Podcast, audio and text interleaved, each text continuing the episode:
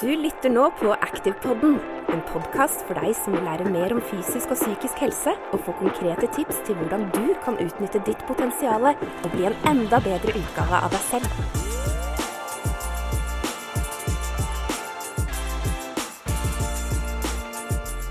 Hjertelig velkommen til en ny episode av Active-podden. Eh, nå er det nok en episode som jeg gleder meg til. Jeg føler jeg sier det nesten med alle gjestene vi har, men eh, det er fordi vi har så mange, mange fine folk med oss. Eh, temaet i dag det skal være det nye studiet vårt, som vi har det første kullet vårt i gang med akkurat nå. Prestasjonspsykologi, coaching og mentaltrening på 30 studiepoeng, som vi tilbyr i samarbeid med Høgskolen i Innlandet. På det studiet så har vi med oss supermange flinke fagpersoner og forelesere. Vi har med oss eh, Aili Kristina Hannestad, som er lege, kjent som en Finn-legen. Eh, en annen lege som eh, kaller seg treningslegen, Ole Petter Gjelle, er med. Vi har med oss Marius Dammyr, som er coach og mentaltrener med mastergrad i prestasjonspsykologi. Og vi har med oss Eh, en kar til som eh, vi straks skal introdusere. Jeg foreleser sjøl i det. Er også en mastergrad i prestasjonspsykologi. Eh, og vi har Frank Abrahamsen, eh, som mange kjenner fra Olympiatoppen eh, og Toppidrettssenteret, som har jobba veldig tett med olympiske utøvere, naturligvis, men eh, også alt fra kokkelandslag til vanlige personer som er med der. Så har vi med oss eh, dagens gjest. Dette vet jo du allerede, du sikkert klikka på, eh, på, på tittelen i overskrifta på podkast-episoden. Men Erik Bertrand Larsen eh, trenger ikke en sånn kjempestor introduksjon, tror jeg. Men vi er veldig stolte over å ha han med oss på, på studiet. Og jeg ønsker Erik hjertelig velkommen til dagens episode av Activepoden. jo, tusen takk. Det er hyggelig å være her. Og det er hyggelig å få lov til å være en del av den utdannelsen. Det er bra å høre, Erik. Eh, jeg tenkte at selv om ikke eh, vi skal bruke veldig masse tid på å introdusere det, så, eh, så, for jeg vet at mange av studentene våre kjenner godt til det. Og mange av de som lytter, uavhengig av studentene oss også, kjenner til det. Men, men, kan ikke du bare fortelle litt sånn kort om Erik i dag, og liksom reisa di fram til her vi sitter nå. Jeg vet at det kan, da, da blir det en lang episode, men, men sånn veldig kort. Eh, hvor begynte det her med mentaltrening og coaching for deg, Erik? Og hvorfor har det blitt en så viktig del av livet ditt? Ja, det er, det, er, det er, et godt spørsmål, for jeg, jeg har lurt på det mye sjøl òg. Eh, men jeg tror faktisk det begynte allerede i barndommen, litt sånn indirekte. Eh, for jeg var, jeg var nok litt på utsida, som mange andre barn nå. Altså, jeg var nok litt på utsida. Og Eh, fattet interesse for, eh, for eh, berømte mennesker som veldig, veldig ung. Og det grunnen til at jeg sier det, er nok at jeg ser den dag i dag at det preget meg nok i 20- og 30-årene. Og har absolutt betydd mye for min reise som mentaltrener. Så jeg begynte å lese om eh, mennesker som tilsynelatende hadde fått til en kul reise allerede som, som veldig ung. Åtte, ni, ti, elleve år så var jeg nesten liksom besatt av å prøve å forstå hvorfor noen fikk en kul og flott reise, mens andre ikke fikk det. For jeg var jo redd for at livet skulle bli bare tøft og brutalt. Så en sånn interesse for menneskets liv og reise den kom allerede da som barn. Altså jeg leste om Marco Polo og Magellan og Tenzing og Hillary. Og jeg leste om eh, Columbus og Leif Eiriksson og Nansen og Amundsen og mye eventyrere, eh, men også politikere og oppfinnere osv. Så, videre, og så, videre. så det, var en, det begynte allerede der. Og så har jeg vel erkjent i ettertid at uh, det å begynne i Forsvaret var for meg en uh, åpenbaring innenfor uh, hvor mye tankene har å si for hvordan du både har det og hvordan du presterer. Så Forsvaret var jo en sånn møte med hvor, hvor, hvor, hvor tankens kraft åpenbarte seg. Så den lille, lille vevre, stusslige gutten eh, klarte noe som jeg syntes var ganske krevende og utfordrende i Forsvaret. Eh, og da oppdaget jeg jo liksom Da ble det veldig sånn tydelig for meg da, at eh, jøss, eh, når jeg klarer det, da klarer jo, da klarer jo du alt. Eh, og så, så, prøvde jeg meg litt innen finans, og jeg har tatt litt utdannelse. og eh, men, men, interessen for å, å, å, bidra, om så bare litt, overfor, overfor, mennesker har vært der hele tiden. Så for, jeg husker det godt, fordi da, da ble første, mitt første barn eh, født. så For sånn 16-17 år siden så, så, begynte, så, bestemte jeg meg for at uh, jeg skulle prøve å leve av lidenskapen min. Da. Uh, så da begynte jeg vel å kalle meg coach i begynnelsen der. og så så jeg, det var etter at jeg hadde hørt uh, en sånn seminar med Tony Robins i London, at jeg tenkte at jøss, det, det, her går faktisk an å leve av. Mm. Uh, så da bestemte jeg meg for å prøve, jeg også. Og da leide jeg et bitte lite kontor ved tinghuset i Oslo. og så sa jeg at nå er jeg coach, og da skulle jeg prøve å leve av det. Så, så det, sånn er liksom reisen vært litt, da. Mm. Veldig kult at du faktisk sier at du, du, kunne, du, du, hadde lyst til å bare påvirke litt, i hvert fall. For det er jo ikke litt eh, du har påvirka siden du starta det lille kontoret for 16-17 år siden. For eh, hvor lenge har du holdt på da? Du har holdt på egentlig fulltid nesten siden da. Eh, og hvor mange kunder har du liksom jobba med? Hvor mange mennesker har du jeg har vel regna på det. Jeg har vel i hvert fall hatt over 10 000 timer med samtaler. Så jeg har jo primært jobbet én til én. Holdt litt foredrag og, og, sånne ting. Men jeg, jeg har jo sett best resultater med å jobbe med mennesker én til én over litt tid. Mm. Prøve å følge dem opp best mulig eh, med fysiske møter, men også litt telefon og SMS-er og mailer og sånne ting. Men. Men så det har blitt mange Det har blitt, det har blitt mange samtaler med, mm. med ulike typer mennesker. Mm. Og så er du jo påvirka den brede massa en god del, vil jeg si, i tillegg til det. da, fordi at jeg husker jo Altså Den første boka di Du har jo skrevet flere bøker nå, da. Eh, men den første boka di den heter jo 'Bli best med mentaltrening'. Uh, og den leste vel jeg kanskje i 2008 eller noe sånt, kan det stemme? da, Rundt i de tidene der? 2008 eller 2009? Når var det den kom? Ja, jeg tror den kom i tolv. Gjorde den? Er du sikker ja. på det? Jeg Nei. Så... Nei, for jeg bare føler at det, var liksom helt tilbake igjen til sånn kanskje er mulig jeg husker helt feil. Uh, men den, den, det var i hvert fall en bok som liksom uh, fikk en god del oppmerksomhet når den kom, uh, husker jeg veldig godt. kan ikke du fortelle litt hvorfor du Altså, og, og, det er en ting som jeg liksom tenkte litt på etter å ha lest den også, det var, det var veldig mye fokus på det med å bli, bli best. Ja, ja. Men er, altså, er det like viktig for deg med det fokuset med å bli Er det egentlig bli best som var liksom Eller var det liksom tilfeldig at det, det ble tittelen der og da? Ja, det var Erling Kagge som sa at den skulle hete 'Bli best'. og jeg syns faktisk det var veldig offensivt. Mm. Men, det, men eh, det, var, det var til, til, dels et markedsføringsgrep at den skulle hete 'Bli best'. Ja. Uh, fordi det var offensivt, mm. uh, og det ville skape kanskje noe uh, meninger og litt, kanskje til og med litt debatt. Ja. utgangspunktet mitt var at jeg tenkte altså, det, var, det var for så vidt Erling Kagge som tok kontakt med meg og sa at har du lyst til å skrive en bok? Mm. Og så sa jeg at jeg vet ikke om, om, det er så lurt å skrive bok om dette temaet her, sånn, fordi i utgangspunktet så syns jeg at det bør tilpasses individet.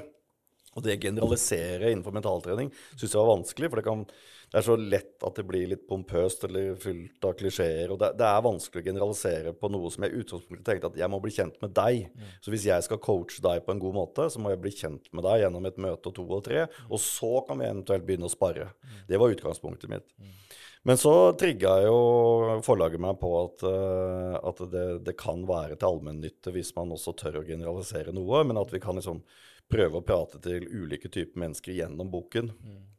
Um, men hva var spørsmålet ditt, egentlig? Altså, uh, altså, Grunnen til at jeg vinkler det sånn eh, med, med det fokus på å bli best, altså eh, fra mitt ståsted ja, altså, som, som, ja. ja, som hen, Min bakgrunn er jo i prestasjonspsykologien, og mentaltreninga kommer jo også fra prestasjonskonteksten. Uh, idrett, idrettsverden, egentlig der det begynte.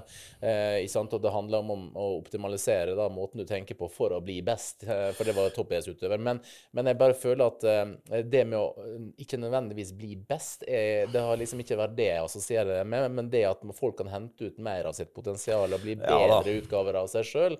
Uh, så det var egentlig bare det jeg lurte litt på. Om det var, var det veldig bevisst at du skulle liksom ha fokus på at det, det her var spesifikt for dem som skulle bli best i sin kontekst? Eller, ja, det, eller det, det, er både ja og nei. Mm. For i utgangspunktet så skrev jeg den eh, til toppidrettsutøvere eller topp næringslivsfolk som mm. faktisk ønsket å ta posisjon nummer én. Mm det, det, var nok en, det skal jeg være ærlig på å si at det var nok en del av utgangspunktet. Uh, og eh, ambisjonen med boka var faktisk at vi skulle selge 3000 bøker til de som nettopp ønsket å bli best. Ja. Men samtidig som jeg skrev boka, så sa, jeg, ble jeg jo veldig enig med meg selv at nei, dette her er vel så mye at du kan bli litt bedre. En litt bedre utgave av deg selv. Eller en litt mer pretensiøst sagt, altså den beste utgaven av deg selv. Mm. Men så viste det seg da at uh, vi traff nok en nerve i, i, si, markedet den gangen. Og så, så, var det jo ikke bare toppidrettsutøvere eller de som var top notch næringslivsfolk som ønsket boken. Det var jo hvermannsen som ønsket boken. Så mm. boken ble jo solgt til 100, 175 000. Opplaget ble voldsomt. Mm. Så jeg tror nok de fleste som har lest boka, skjønner at her er det en bok som kan bistå deg litt til å bli en litt bedre utgave av deg selv. Mm. For det er jo det om å være best litt sånn, litt sånn flåsete, så sier jo alle Eller så, si, så, så, sier jo mange til meg alle kan jo ikke bli best. Eh, nei, nei, selvfølgelig ikke. Men, men vi alle kan bli en litt bedre utgave av oss selv. Og, det, og der mener jeg jo Og det, det, det, brenner jeg jo for, og det mener jeg jo. At vi alle kan utvikle oss, vi alle kan bli bedre. Mm. Og det, det tror jeg ligger naturlig i oss òg. De aller fleste vil det. Ja, mm. det tror jeg og, da, og da kan mentaltrening være en metode, eller en, kall det en inngang til det. Mm. Eh, men så finnes det jo 10 000 andre innganger og, og forfattere. Og, så der må man liksom finne ut hva er det som passer deg. Da. Selvfølgelig. Det er, jo, det er jo ikke et fagfelt som er veldig sånn fasit, definert fasit. Eh, og Derfor tenkte jeg liksom å høre med deg. Hva tenker du i dag når du For det, det er veldig masse erfaringsbasert kompetanse i denne veilederrolla også, det å jobbe som coach og mentaltrener. Og etter hvert som man jobber med forskjellige typer mennesker og i ulike settinger og domener og kontekster, så, så eh, får den der eh, modellen da, eh, for hvordan man angriper fagfeltet, liksom, det modnes litt til. Kan du fortelle oss litt om hva, hva er din filosofi i dag på det med mentaltrening, og, og hvordan er liksom din tilnærming til, til det fagfeltet her, da?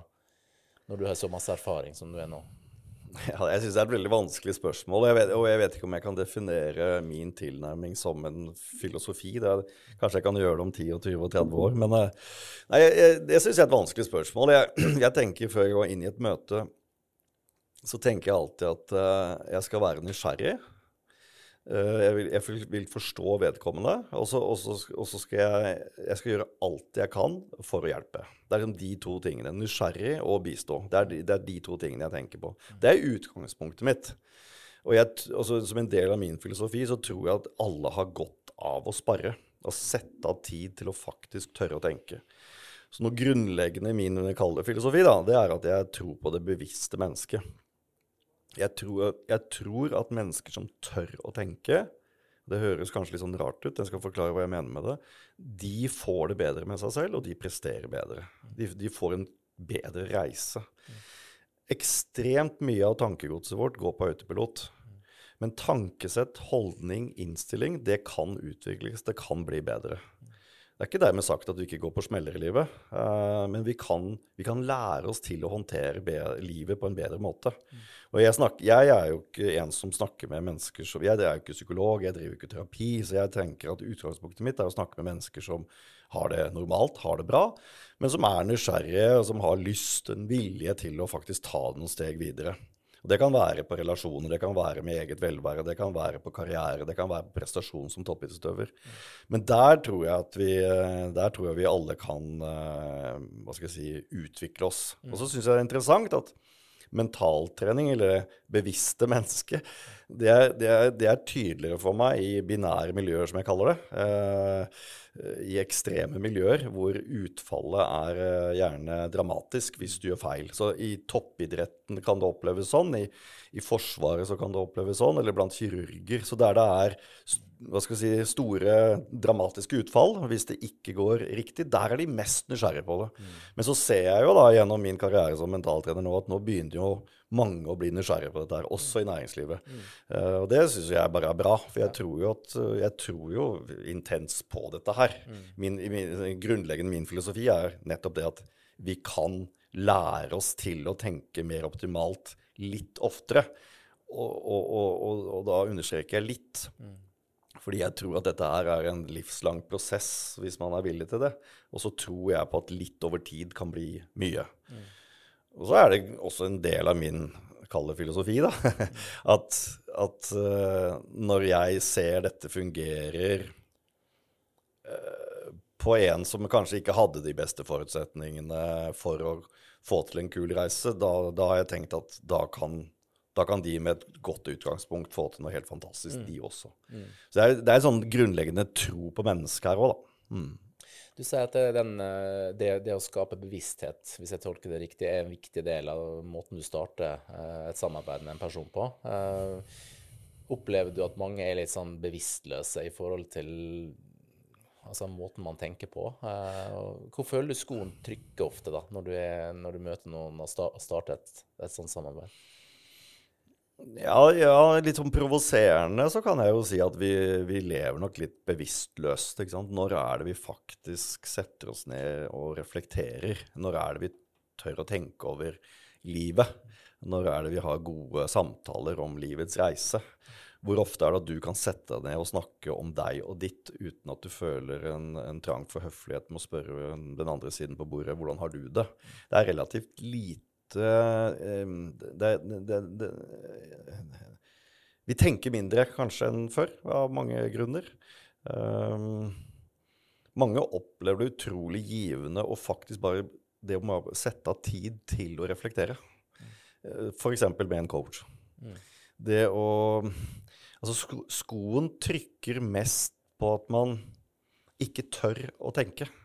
uh, jeg Skoen trykker på frykten. Altså, hvis vi skal tenke Eller hvis jeg hmm, Jeg pleier å si at frykt Evnen vi, ha, evnen vi mennesker har til å kjenne på frykt, er det som hemmer oss i å leve ut drømmen, potensialet vårt, og bli en bedre utgave av oss selv. Det er der skoen trykker. Evnen til å være redd for utfallet. At vi ikke får det til. At vi ikke er bra nok. Uh, frykten for ubehaget. Frykten for å miste flokken. Frykten for hva andre mener. Frykten for det vanskelige. Frykt, altså, vi, er, vi er ekstremt fryktbaserte dyr. Og det henger jo selvfølgelig fra evolusjonen. Uh, og det hemmer oss noe voldsomt. Men det går an å erkjenne at vi kan ha mindre frykt. Det går an å lære seg til å dempe frykten og heller få mer vilje, lyst, tro, energi. Ja, jeg går for det. Mm. Det er mulig. Og det er mulig gjennom mentaltrening. Mm. Hva er ditt forhold eh, til egen frykt, da? Jeg blir jo nesten litt sånn overbevisst på dette her, kanskje, fordi jeg jobber med det hver eneste dag. Eh, fra morgen til kveld, føler jeg. Eh, men jeg, jeg, er jo i hvert fall bevisst på at du verden så mye redd jeg er. Når vekkerklokka ringer, så kjenner jeg på et ubehag ofte. Sånn som i dag tidlig, så, så ringte klokka klokka seks, og jeg kjente på et ubehag. Frykten for det ubehaget uh, slår jo inn umiddelbart bare da. Uh, skal jeg trykke på snusknappen, eller skal jeg snå opp en gang? Så, som du skjønner, så legger jeg frykts... Den, fryktsekken er stor, da. Men, eh, men jeg, jeg, jeg, og jeg frykten for hva andre mener, uh, bar det jeg med, om ikke hver dag, så i hvert fall flere ganger i uka. Hvis jeg står på en scene eller nå i, i forhold til podkasten. Frykten for hva andre mener om meg, kjenner jeg på hver dag. Mm. Og jeg, jeg, er kanskje mer sensitiv enn snittet på det pga. barndommen min. Så jeg liker jo ikke å få kritikk. Jeg liker jo ikke å ikke bli likt. Jeg liker jo ikke å utsette meg for Jeg liker jo ikke å eksponere meg det å bli vurdert, det å bli analysert av andre, gjør jo at jeg hele tiden må jobbe med det. Og jeg baler med det, og jeg feiler på det. Men, uh, men jeg, den kjenner jeg jo på hele tida. Mm. altså, og jeg har, ganske, jeg har, nok gjort en del ting i livet som, er, som, andre ser på som relativt modig, men så jeg, føler jeg meg stusslig på andre arenaer igjen, så det varierer jo litt, da. Mm. Men jeg kjenner på det, ja. Det skal gudene vite. Ja, altså det er ingen som ikke gjør det. Og så tror jeg kanskje du er et veldig godt poeng i at man, eh, man blir ekstra bevisst dette her, da. Når man uh, kan masse om det og, og, og, og, forstår at det er liksom kanskje litt bærebjelken i å få til ting uh, også.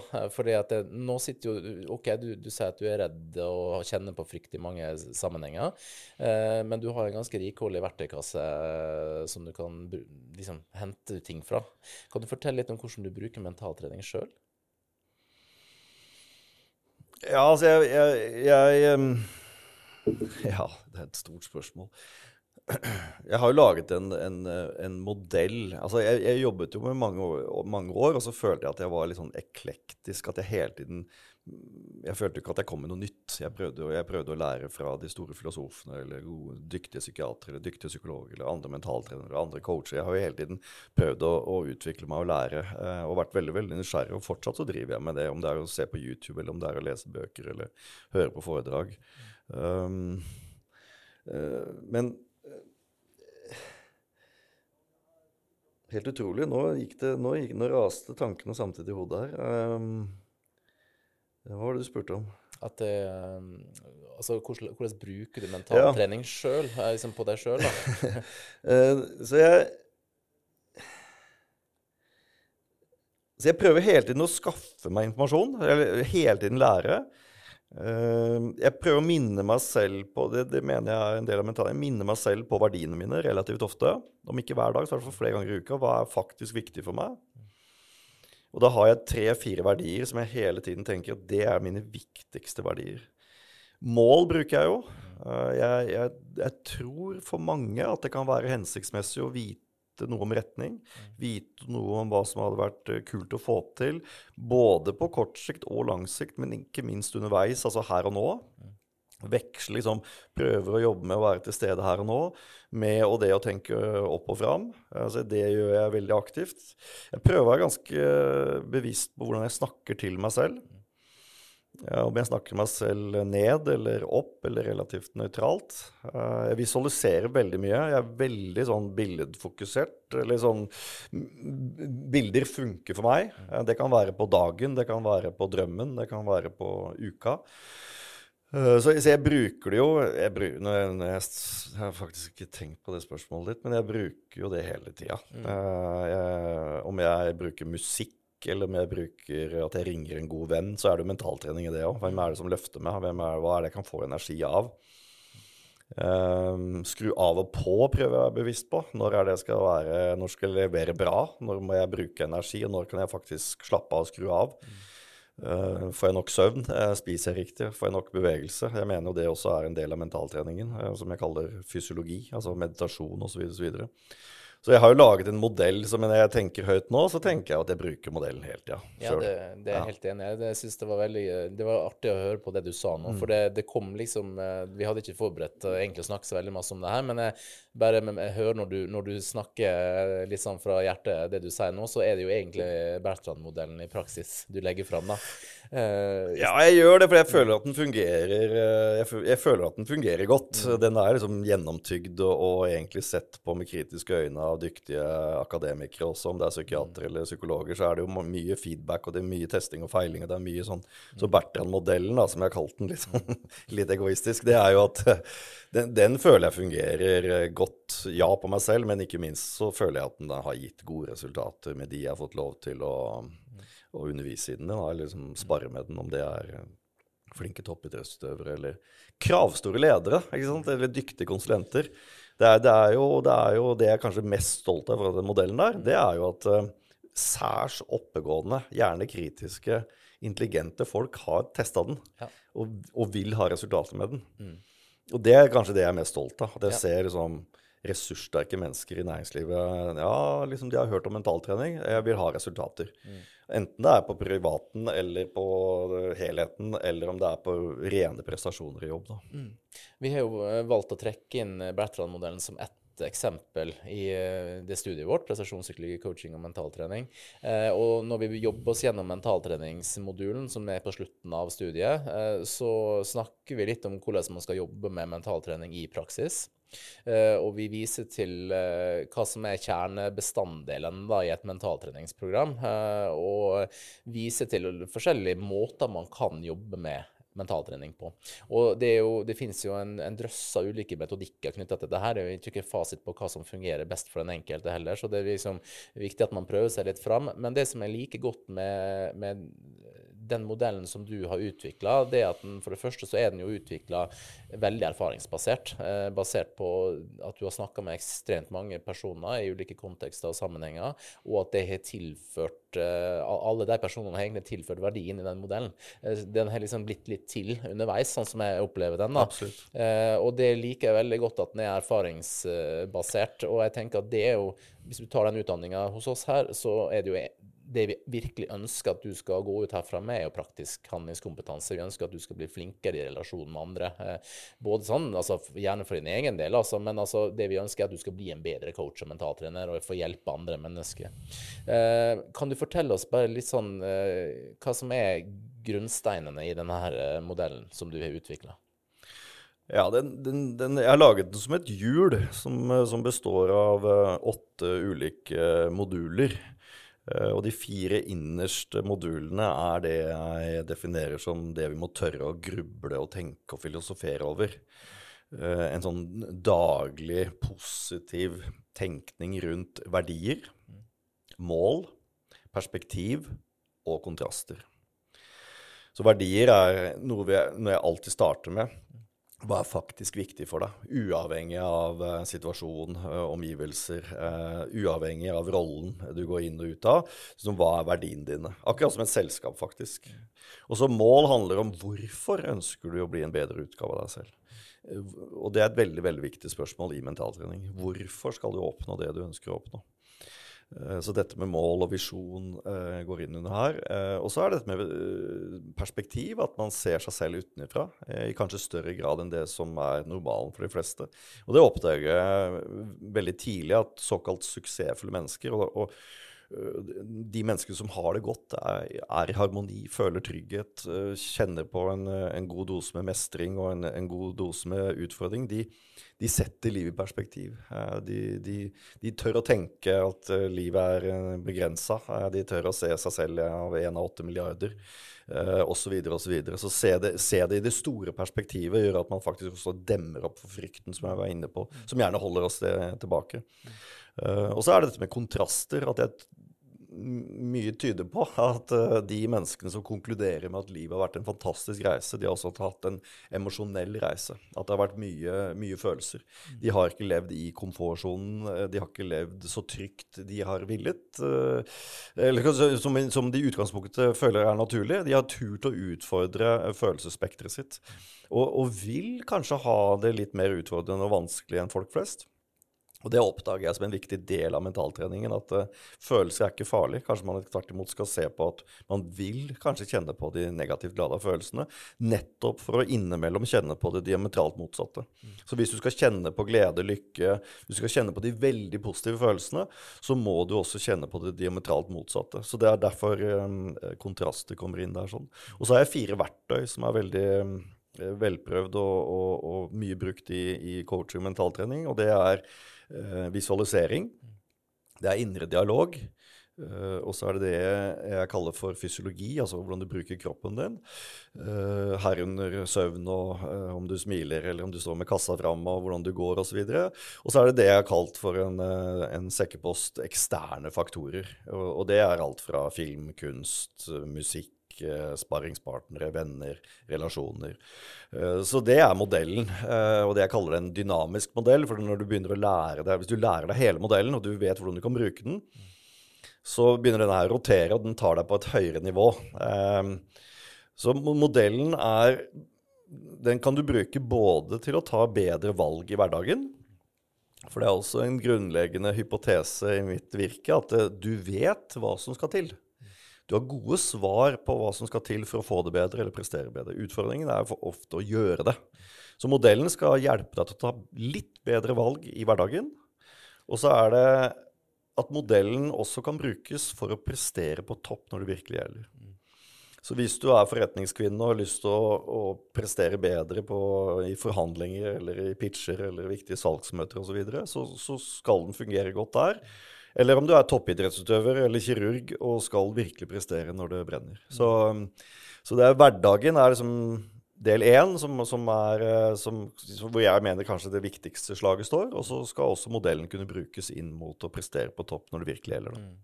Så det er egentlig to deler. da. En, en ganske viktig grunnleggende del som er bevisstgjøring, hvis jeg tolker det sånn, egentlig. Du, ja. uh, og det er jo en grunn til at du starter med det, uh, Regner. Men føler du at det, altså, det med å, ha, å være bevisst på verdiene sine og hvor man vil hen og skal hen i livet, er det mange som er gode på det sånn i utgangspunktet, syns du? Ja, nei, altså, ikke for å være provoserende, men, det, men du, du brukte jo ordet bevisstløs i stad. Altså, vi mennesker er helt naturlig bevisstløse. Altså, vi vil egentlig bare følge øh, flokken, og, og vi vil egentlig bare på mange måter at dagene skal bare passere, merkelig nok. Så, så, så jeg tror nok veldig mange Eller jeg vet at mange kan få ufattelig mye igjen for å tørre å tenke på disse tingene her. sånn.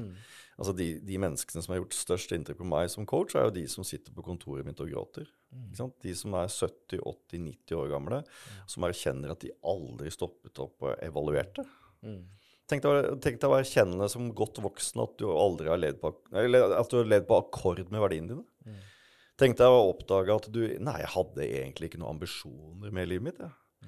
Altså, du har én reise, ett liv, én mulighet, og så gjør du ikke det beste ut av det. Altså, det er jo fryktelig for mange. Så hvis jeg kan bidra til at noen der ute tør å tenke, og tør å stoppe opp og tør å evaluere, ta deg en tur i skogen, ta deg en tur på fjellet, tør å tenke på hvor er du, og hvor skal du, bare det kan gi enorm verdi. Så, så hvis vi kan bidra bitte litt til at folk tenker litt mer, så tror jeg at øh, ja, noen individer får det bedre. Men jeg tror at det bevisste vi må, altså, Jo flere som driver med dette, jo bedre er det. Jeg, jeg tror det kan ha en enorm verdi ja, å bli mer bevisst. Og spesielt i dagens samfunn. Vi blir bombardert med hva som er såkalt suksess. sant? Men hva er suksess for deg? Så Ref dro inn boka mi. Hva blir best? Ja, men hva vil det si for deg å ha såkalt suksess? Altså, vi, vi kan jo få et inntrykk gjennom sosiale medier eller tabloide medier hva som er såkalt suksess, men, men, men du, må tenke, du må tørre å stoppe opp og tenke hva er egentlig suksess for meg? For du har ett liv, én mulighet. Så, så jo da, jeg kan nok sikkert være litt sånn direkte og jeg kan sikkert være litt sånn provoserende, men, men hensikten mener jeg er god. Og det er at eh, vi må, vi må for svarte tørre å, stoppe opp og, og, og tenke litt over hva er det vi egentlig driver med her. Jeg tror det er veldig viktig å eh, ta med seg det perspektivet med at eh, man ikke Altså den, den bevisst, den refleksjonsprosessen og bevisstgjøringsprosessen tror jeg er viktig for alle. eh, absolutt alle, uansett. eh, men eh, ikke fordi at det nødvendigvis at det, eh, en coach eller mentator skal hjelpe deg å bli eh, veldig mye bedre eller oppnå enda mer eller bli best eller hva det måtte være. Men i hvert fall slik at det du blir bevisst på at OK, det jeg gjør nå er, er, greit og, og bra, og det er jeg fornøyd med. For det jeg tror altfor mange kanskje kommer seint i livet innser akkurat litt sånn som du sa i stad. At man tenker at faen, hvorfor eh, tok jeg ikke tak i disse tingene her tidligere? Ja, altså noen, noen snakker med meg om å bli snillere, ikke rausere, eller være mer takknemlig for det en har. Eller evne å bare gi mer beng, ikke sant. Det er godt nok er godt nok. Altså, det- men, men vi må sammen finne ut av, eller du må finne ut av, av å bli mer bevisst på hva er det jeg egentlig har lyst til her. Så det, når vi snakker 'bli best', så er det mange som assosierer det med å bli olympisk mester i en eller annen idrett. Men å bli best kan være det diametralt motsatte. Det kan være en flink pike eller flink gutt som ønsker å evne å ha mer ro og harmoni. Det kan også være en, en, et mål i mentaltreningen. Hva føler du at du eh, har lært på en måte sjøl nå, da, eh, etter å ha snakka med så mange eh, mennesker opp igjennom? Eh, det er jo ganske lenge siden du hadde det lille, som du sa, lille hjørnekontoret ditt når du starta for 16-17-18 år siden, og, så, og her du sitter i dag. Eh, hva har du lært sjøl som du Ja, nå er jeg snart 50. Um, at vi mennesker er kanskje likere enn vi liker å tro. At det er veldig mye av de samme mekanismene og de samme utfordringene. Livet er brutalt for alle. Det er ikke tilfeldig at religion sier at livet er brutalt. Eh, Life is suffering, sier de i eh, Livet er lidelse, sier de både i kristendommen og i buddhismen. Eh, Livet slår. Du kan være så mentalt sterk du bare vil, men eh, livet er på mange måter brutalt uansett. Du kommer til å gå på noen smeller, og du kommer til å oppleve sykdom, om, du kommer til å oppleve sorg og tap, og du skal til og med daue. Så det handler om hvordan håndtere det brutale til tross for. Men, men, det er mulig. Det er mulig å bli mer bevisst og kjenne på kanskje mer glede og harmoni, trygghet, enn det man i utgangspunktet hadde hvis man tør å tenke. Um, jeg, har vel, jeg har vel lært at de menneskene som virkelig har inspirert meg siden jeg var liten gutt, da, de har på mange måter de har banet vei i forhold til at vi mennesker har en enorm kapasitet i oss. Det er virkelig når vi røyner på at vi viser kapasiteten vår. Uh, men om det er Viktor Frankel eller Madame Curie, eller om det er Gandhi, eller om det er um, Helen Keller, som på mange måter har hatt en sånn helt ekstreme, brutale både utgangspunkt, forutsetninger og opplevelser.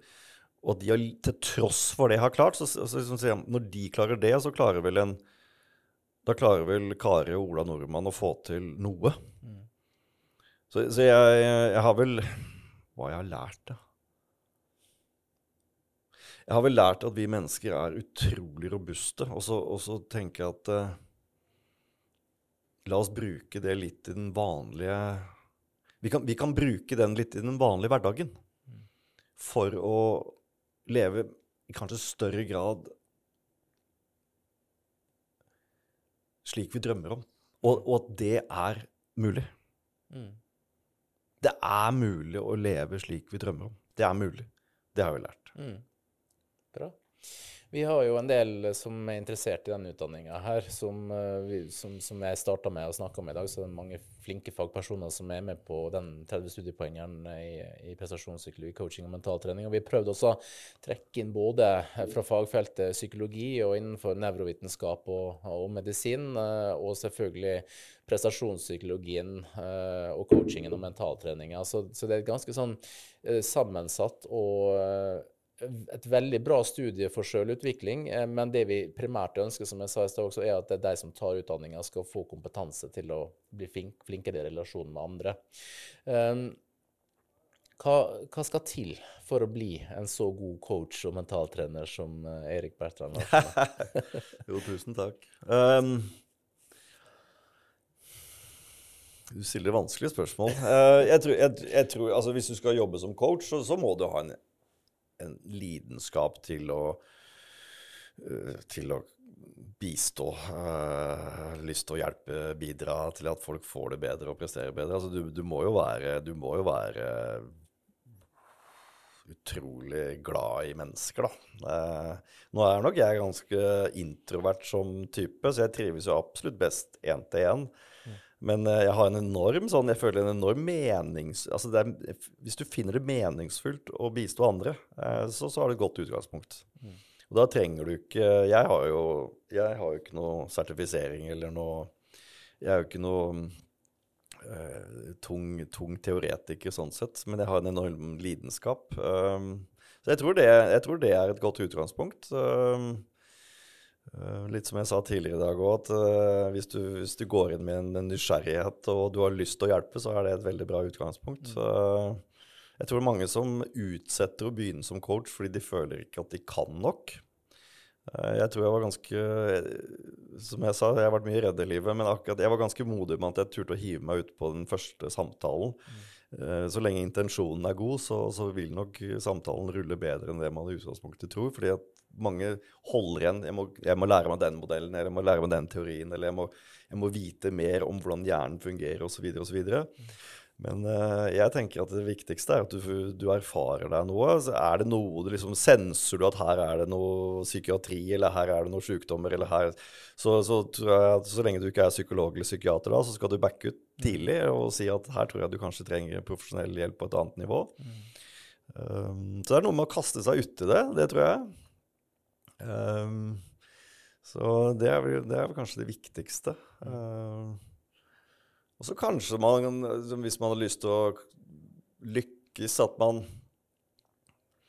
tør å tenke Ja, man må tenke helhetlig, og man må se hele mennesket, men samtidig så tror jeg at markedet er såpass stort at man må tørre kanskje å finne sin edge i markedet òg. At uh, at man ikke skal tekkes alle. Eh, det var noe jeg gjorde veldig bevisst da jeg begynte. At jeg, jeg, samtalene er nok ganske runde, og samtalene er nok preget av at jeg ønsker å forstå deg som individ, og hvordan kan vi sammen komme fram til noen gode resultater her. Men jeg markedsførte meg ganske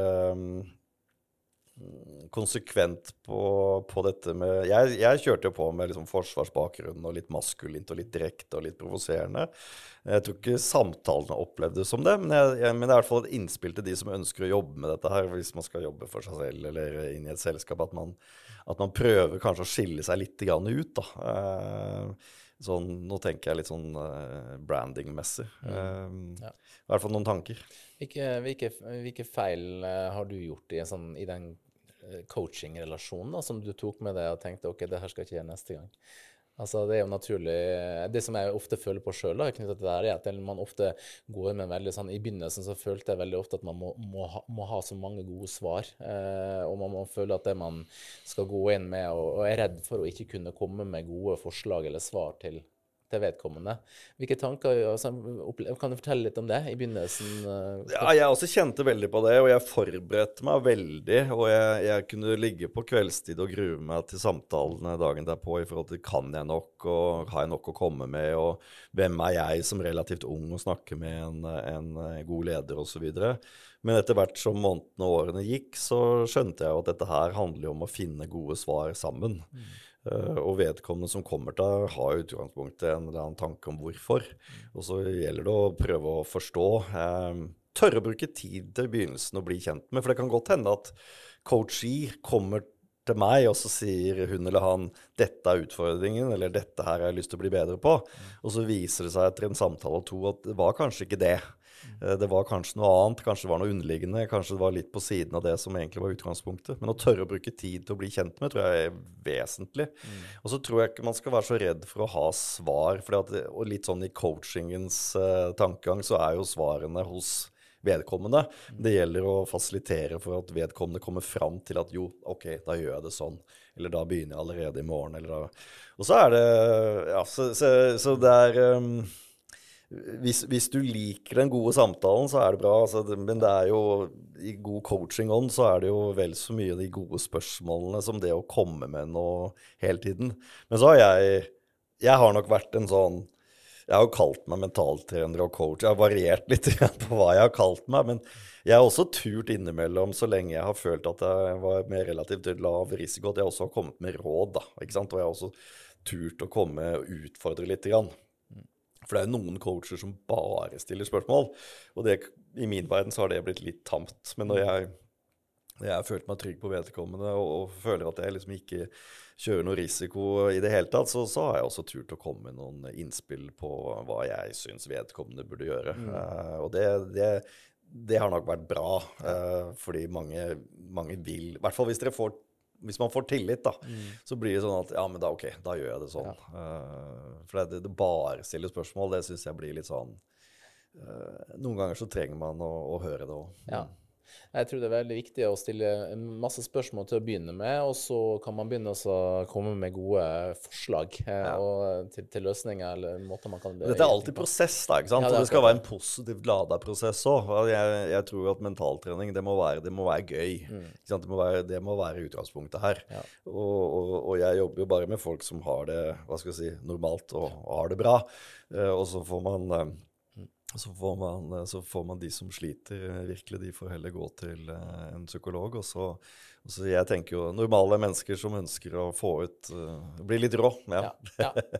Enig. Uh, vi, vi, skal snart runde litt av, men jeg vet at det sitter helt sikkert noen og hører på det her som har lyst til å lære mer. og hvis de velger å ta en utdanning innenfor det med coaching og mentaltrening, hvilke råd skal vi gi dem? Hva tenker du at det er liksom, hva er det viktigste man skal ta med seg ut av det her? Altså, nå har jo dere fått noen helt Det må jeg bare si, altså. Eh, og det sier jeg ikke av høflighet, det sier jeg fra hjertet. Altså, dere har jo fått noen helt fantastiske eh, folk med på laget her. Altså alt fra Myklebust til Aili til Abrahamsen. Så det, dere har liksom Dere har toppa laget. Uh, så jeg tenker at uh, ta til dere informasjonen, eh, men vær kritiske. Liksom, hva, hva, tenker du passer for deg som eh, individ? Eh, hvordan kan du bruke dette utad? Altså, det, det, er bare bra å ta til seg, og så være open-minded til en viss grad, og så være litt kritisk. Eh, og så tenke at dette er en sånn Dette kan være starten på en livslang prosess. Mm. For nå har jo du, du og dere samla noen av de beste innenfor, eh, så vidt jeg kan bedømme, innenfor mentaltrening og prestasjonspsykologi og, og coaching i, i landet. Eh, og da tenker jeg at det er bare å suge til seg mest mulig, og så tenke at man behøver ikke å bruke alt, og bør ikke å forstå alt. Eh, men uh, det som du trigges av, kan du bruke senere, både på deg selv og overfor andre. Så det er jo litt sånn en fantastisk mulighet til å bare ta til seg, tenker jeg. Jeg er liksom mer sånn praktisk retta, og så, så, får du jo helt sikkert masse uh, god tyngde på det teoretiske fra andre, og så lager man sin greie ut av det. Det tror jeg kanskje er det viktigste man kan få ut av et sånt, uh, et sånt studie. Mm. Ja, det syns jeg var veldig uh, godt sagt, og jeg tror det er nettopp det vi prøver å gjøre også. Vi, det, vi ser på det som liksom å bygge en god grunnmur i å forstå fagfeltet godt. fra deg personene som vi har valgt ut, da, som, som ikke bare er flinke eh, teoretikere og akademikere, selvfølgelig, men også som har praktisk, eh, en praktisk vinkling på det her. For det, det, er veldig veldig viktig for oss. fordi at vi ønsker at de som tar den, velger den, den utdanningsveien her, har et ønske eh, fram i tid om å hjelpe andre. Eh, i en eller annen, Noen tar det helt sikkert for egen del også, men vi ønsker jo at man skal gå ut med praktisk handlingskompetanse. At man skal oppnå relasjonskompetanse, slik at man kan gå ut ut og så møte andre i en veiledningssammenheng. Da. Eh, og ikke nødvendigvis hjelpe andre i å bli best, men i hvert fall bedre utgaver av seg sjøl og få til, eh, få til, mer i livet, da, om det er privat eller jobb. Mm. Så det eh, jeg tenker at den, det at du, som du sier, du har ikke en sertifisering eller en formell utdanning Jeg tenker at i den sammensetninga som vi har i det fagteamet her nå, så er det en ekstremt stor verdi. da, Fordi at det, det tilfører eh, en erfaringsbasert kompetanse eh, som, som, det er vanskelig at bare bøker gir deg den. Så, så, vi syns det er veldig kult å ha med Bertrand-modellen. Og eh, også fordi at det er mentaltrening det er ingen fasit på hvordan du angriper og jobber med det i praksis. Og jeg syns at uh, den modellen din uh, er én måte å gjøre det på som, uh, som kan i hvert fall være et veldig godt eksempel på at det kan fungere. Mm. Veldig bra, Erik. Jeg tror vi bare takker for oss nå. Tusen takk for at du tok deg tid til å komme. Det var veldig hyggelig. Jeg koste meg. Tusen takk. Godt å høre. Ses vi i neste episode av Active Liker du det du hører? Husk å abonnere i din podkastspiller. Vi setter stor pris på at du gir oss en rating og deler episoden med en venn. Gjennom at vi sammen sprer kunnskap og inspirasjon, bidrar vi til et felles løft for folkehelsen i Norge. Takk for at du bidrar.